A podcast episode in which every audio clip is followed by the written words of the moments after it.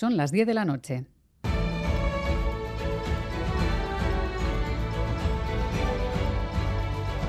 Radio Euskadi y Radio Vitoria. Servicios informativos.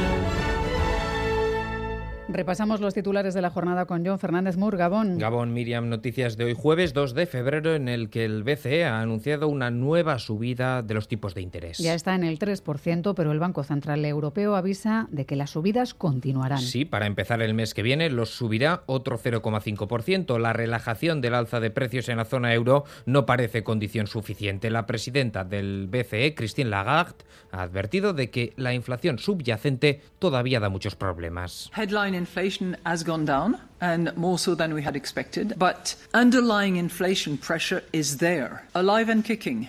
Lagarde ya había anunciado previamente su disposición de llevar los tipos hasta un terreno restrictivo para enfriar la economía europea. Es de esperar, por tanto, que el Euribor siga subiendo todavía más. Ayer la vicepresidenta Yolanda Díaz pedía congelar las cuotas hipotecarias. No coinciden, sin embargo, las ministras socialistas de Economía y Hacienda. María Jesús Montero ha pedido esperar y monitorizar las medidas ya puestas en marcha por el Gobierno. Siempre seguimos monitorizando la situación, seguiremos viendo cómo la inflación y cómo el efecto de la guerra está impactando en las economías, pero hoy por hoy esas son las medidas que el Gobierno tiene encima de la mesa y esas son las que vamos a desarrollar. El paro ha subido en el mes de enero. Es habitual en este mes por el fin de las campañas de Navidad y este año no ha sido una excepción. 9.800 menos afiliados en la Seguridad Social en Euskadi y 2.100 parados más registrados en la Ambide. Alfonso Gurpegui, viceconsejero de Empleo, ha restado importancia, sin embargo, a esta subida del desempleo. Todo este paro viene prácticamente del sector servicios. La cifra total es la más baja desde este mismo mes en 2009 y el incremento del paro es el más bajo en términos relativos en lo que llevamos de siglo. También desciende el número de personas afiliadas a la Seguridad Social en 9.762, pero es una cifra análoga a otros meses de enero, incluso en épocas de expansión económica, con caídas cercanas a las 10.000 y en algunos casos incluso mucho mayores.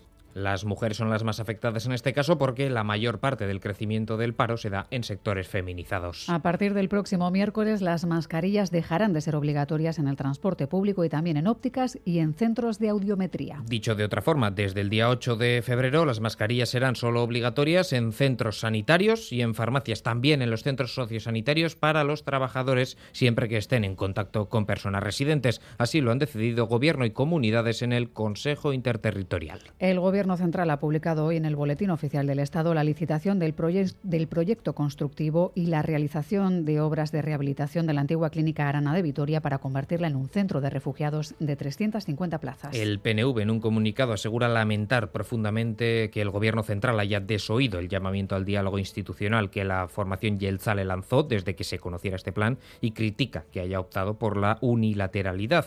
Los Yelzales subrayan que van a seguir con la defensa del modelo vasco de acogida. Y en Navarra los sindicatos LAB, SAE, UGT y comisiones obreras se han unido para reclamar mejoras laborales y retributivas para todos los profesionales sanitarios. Critican que el gobierno les ha negado sus peticiones para hacer frente a los problemas estructurales que sufre Osasun Videa. Itziar Pérez, UGT, leía al manifiesto que el Gobierno de Navarra ha logrado desmotivar totalmente a la plantilla de salud, ha fulminado la mesa general, la mesa sectorial y la negociación y ha hartado a una representación sindical que, además de ninguneada, se siente engañada. Todo un récord difícil de batir.